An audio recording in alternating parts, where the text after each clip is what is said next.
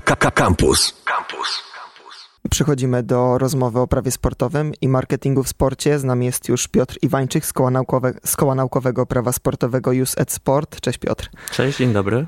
Porozmawiamy sobie trochę przede wszystkim o tym marketingu w sporcie. Przejdziemy też do prawa sportowego, e, bo dzieje się, dzieje się dużo. Trwa Euro 2020 w 2021 roku. To też ciekawa rzecz, którą też pewnie poruszymy.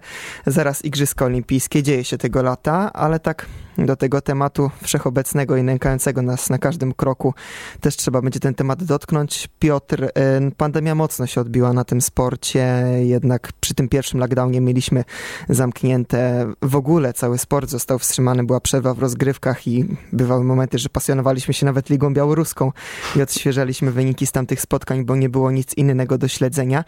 Jak ta pandemia w ogóle wpłynęła na sport? Bo, mieli, bo do tej pory mamy też mecze bez kibiców, choć Euro już odbywa się częściowo z kibicami, ale jednak dopiero w ostatniej kolejce Ekstraklasy na przykład, zostając przy tej naszej krajowej piłce, dopiero w tej ostatniej kolejce mieliśmy kibiców, wcześniej ich nie było.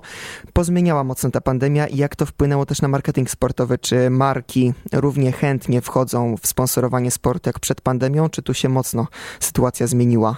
Czy wiesz co, przede wszystkim e, dużym renegocjacjom uległy aktualne umowy, które sponsorzy mieli podpisane z klubami, czy to, czy to sportowcami, no bo siłą rzeczy rozgrywki się nie odbywały na początku, później odbywały się przy ograniczonej liczbie widzów, e, więc to też wpływa na ekspozycję marki, więc te umowy trzeba było renegocjować marketing przeniósł się trochę do internetu, no to była przestrzeń, która w ogóle podbiła z e, serca i sponsorów i klubów różne działania marketingowe, filmy, Hot 16 Challenge, kluby, które w tym e, uczestniczyły.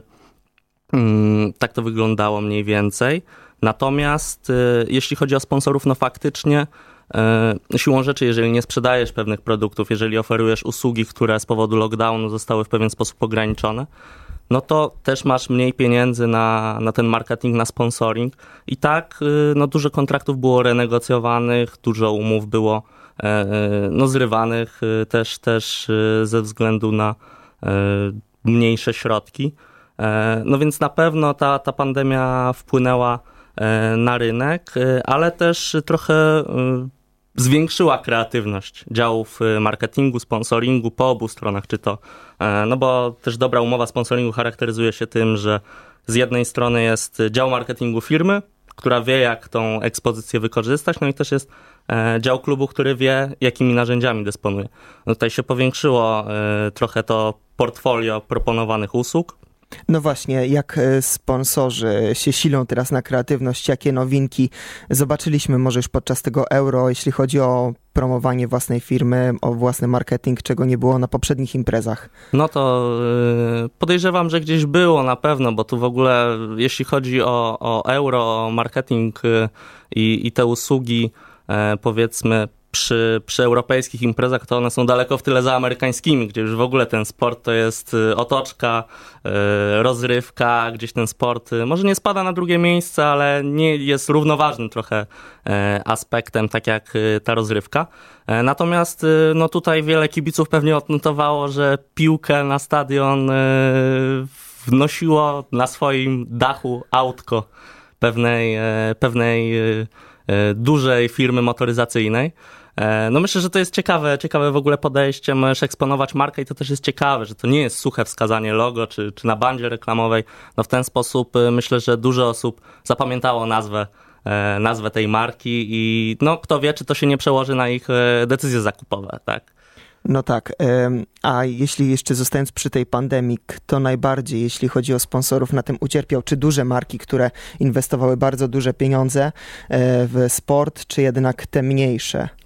E, wiesz co, raczej, raczej te mniejsze, no, ze względu na to, że jednak e, powiedzmy duża marka mogła sobie z tego budżetu marketingowego nieco zejść, e, obniżyć, obniżyć wartość własnego świadczenia wobec klubu, no też ze względu na to, że wartość świadczeń klubu się zmniejszyła, no bo ekspozycja trafiała do nieco mniejszej liczby, mm, liczby kibiców.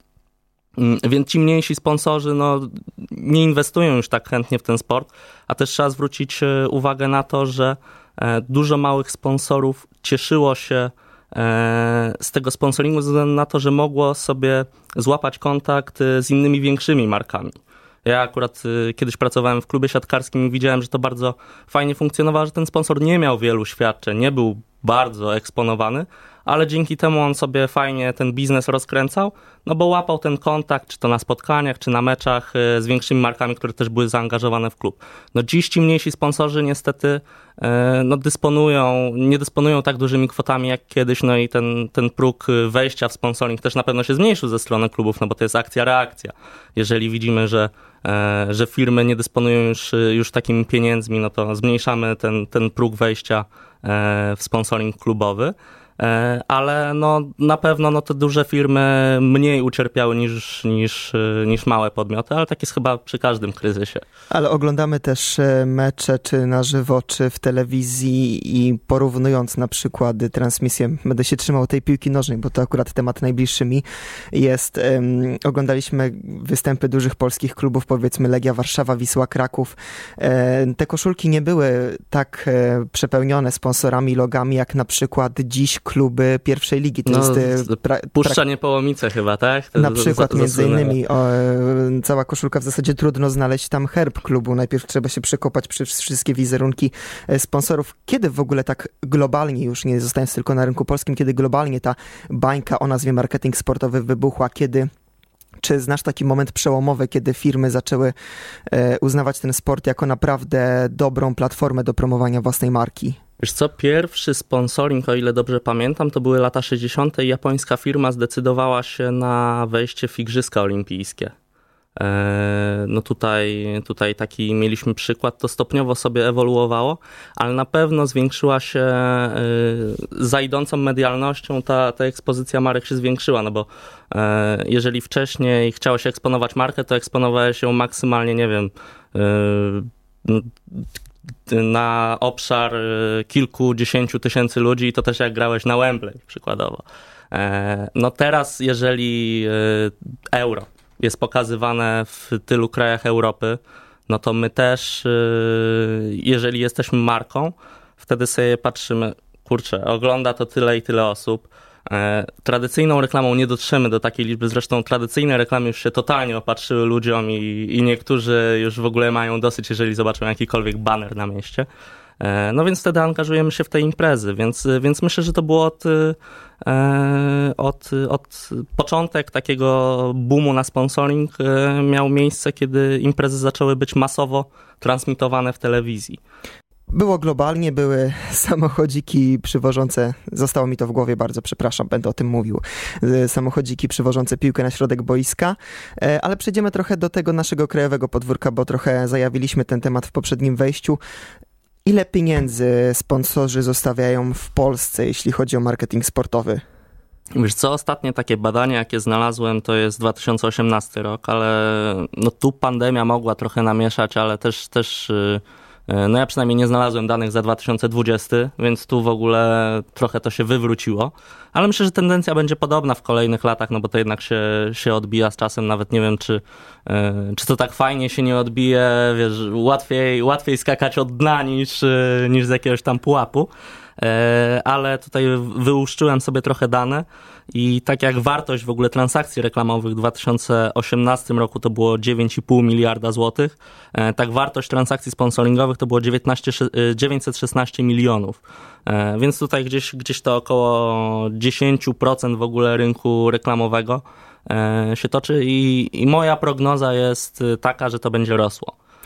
Że też ten tradycyjny marketing, to o czym też mówiliśmy w poprzednim wejściu, że E, no mimo wszystko ludziom już się opatrzyły reklamy, billboardy, banery, nie wiem. E, e, no też musimy zobaczyć, że, że sponsoring sportowy to też jest swego rodzaju, nie wiem, banery przykładowo z piłkarzami reprezentacji Polski, ubranymi, nie wiem, w garnitury danej firmy X, czy jeżdżącymi autem marki Y. No to też jest ten, ten sponsoring, ta umowa sponsoringowa jest wykonywana w ramach, w ramach pewnych jakichś tam ekspozycji na mieście, nie tylko takich stricte związanych z, z widowiskiem sportowym.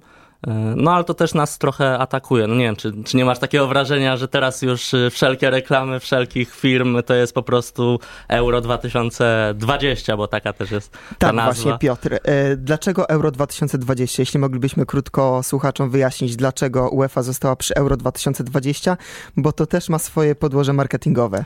Co, jakby, jakbyś wyprodukował gadżetów za miliard, y, podejrzewam, no może nie miliard, tu przesadziłem, ale za miliony euro, e, w ogóle cały branding wokół tego zakręcił i na trzy miesiące przed y, by się okazało, że jednak kurczę trzeba jedną cyferkę zmienić, e, no to myślę, że też byśmy przy tej marce pozostali. No to, to już jest y, biznes i, i, i tutaj ta marka od początku to miało być Euro 2020, zostało wyprodukowane dużo gadżetów, cała w ogóle identyfikacja wizualna była zbudowana wokół tego Euro 2020.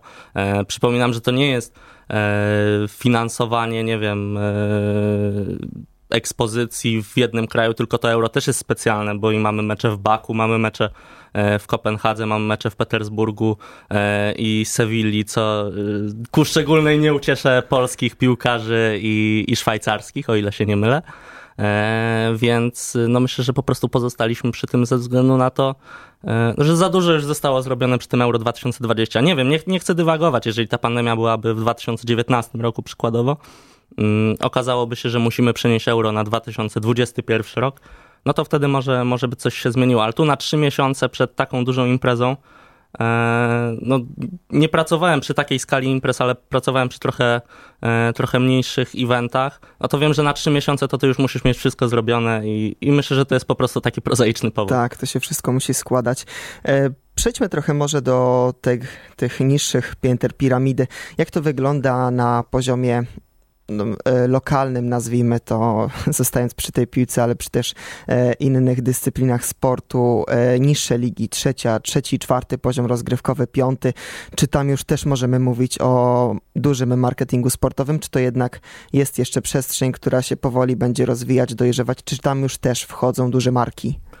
Co, no, na takim poziomie już półprofesjonalnym, no bo też mówmy się, że no może chociaż w, no w trzeciej lidze to już, to już są profesjonalne treningi, ale gdzieś tam od ligi okręgowej, no to, to też nie są piłkarze, którzy e, poświęcają się w całości piłce, tylko gdzieś tam trochę sobie kopią, trochę gdzieś pracują. E, no to jednak tą ofertę sponsoringową też dany klub powinien sobie przygotować no bo musisz się utrzymać, musisz wyjechać y, na dany mecz do, no co prawda okręgówka, więc nie wyjeżdżasz daleko, każdy pewnie sam jeździ, e, ale mimo wszystko musisz mieć przygotowaną tą ofertę sponsoringową, no bo jesteś normalnym podmiotem rynkowym, który rywalizuje, im większą kasę możesz zapłacić e, zawodnikom, no to wiadomo, że ten poziom sportowy będzie większy. No mamy, nie wiem, przykład y, Wieczystej Kraków, która teraz z krakowskiej okręgówki awansowała nawet, nie wiem, czy, czy tam mecz y, nie, jakikolwiek tam nie, to przegrała. nie było przegranej, bo tam został zwolniony trener, który nie tak, przegrał żadnego tak. meczu. No i został y, nieśmiertelny Franciszek Smuda zatrudniony. Tak, tak. jest. E, no to kto tam gra? Sławomir Peszko? Radosław chyba Radosław Majewski, tak. e, jest tam wielu innych e, przyzwoitych piłkarzy, bardzo a w ogóle bardzo przyzwoitych, jeżeli mówimy o poziomie okręgówki. No ale jednak właściciel wyłożył sporą sumę na to, no i inne, inne kluby no nie mogą nawiązać sportowej rywalizacji, muszą gdzieś tam walczyć o drugie, trzecie miejsce. A tak odchodząc od e, tej piłki nożnej, bo niektórzy mogą mieć już jej przesyt, bo atakuje ona nas z każdej strony, dziś już szczególnie. Mm, Igrzyska Olimpijskie to też impreza jedna z najważniejszych, o ile nie najważniejsza dla światowego sportu. E, w kontekście igrzysk i marketingu sportowego, co można, a czego nie można reklamować, e, angażując się w sport? To też y, regulacje krajowe przede wszystkim tutaj wchodzą w grę. Jeżeli mamy sport, to jeżeli y, ustawa z 2009 roku, y, tak zwana hazardowa, no ona znacznie ograniczyła reklamę bookmacherów. Z tego względu też bookmacherzy teraz są mocno zaangażowani w sport, bo na przykład reklama w telewizji. Reklama w telewizji de facto jest informacją o sponsorowaniu.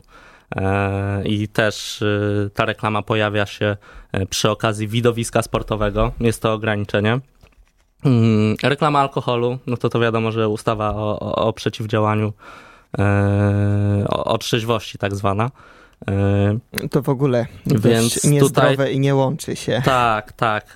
No mamy też, też różne ograniczenia, które E, wynikają z ustawy o radiofonii i telewizji, więc e, no, ten, ten sponsoring jest, e, jest, jest trochę uregulowany. Tutaj nie chcę jakoś tam szczegółowo sobie w to wnikać, natomiast na poziomie globalnym, no bo to też przy, przy igrzyskach trzeba powiedzieć, że, że firmy na mocy reguły 40 karty olimpijskiej są pewne ograniczenia w wykorzystywaniu wizerunku uczestników igrzysk.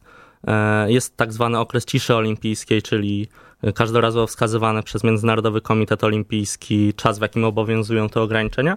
I akurat w przypadku Igrzysk w Tokio, no ten blackout period będzie od 14 lipca do 11 sierpnia. E, I też na czym, na czym to polega? No przede wszystkim to jest ochrona, mm, ochrona praw przysługujących oficjalnym sponsorom igrzysk. Bo mamy takie dosyć niezdrowe zjawisko, jakim jest ambush marketing, E, czyli to jest tak zwany marketing pasożytniczy. Tutaj załóżmy, no to tu, tu ciężko stwierdzić, tu dopiero w ogóle sąd y, w postępowaniu sobie stwierdza, czy, czy w ogóle przeciętny konsument może pomylić, czy dana marka oficjalnie sponsoruje igrzyska, czy jest na przykład tylko, bo marki są tak partnerem już cwane, technicznym, tak, tak, na przykład na przykładzie... Partnerem technicznym przekazu telewizyjnego. Przykładowo w Australii mieliśmy taką sytuację, że tu w ogóle sąd, y, sąd sobie e, badał taki bardzo duży operator telekomunikacyjny w Australii rozpoczął współpracę z telewizją, która transmitowała Igrzyska Olimpijskie. To w Rio było. E, no i w ramach tej współpracy ta firma X ją nazwijmy uzyskała tytuł oficjalnego sponsora technologicznego reportażu z Igrzysk Olimpijskich. Czyli to w ogóle jest poza Igrzyskami. No ale sąd stwierdził, że przeciętny konsument no, mógł pomyśleć, że jednak ta firma jest oficjalnym sponsorem Igrzysk, E, i że odbiór całości tej kampanii na tyle nawiązywał do tematyki igrzysk, że można odnieść wrażenie, że ona jest oficjalnym sponsorem. E, no więc, e, więc niestety tam, tam chyba było jakieś odszkodowanie, o ile dobrze pamiętam.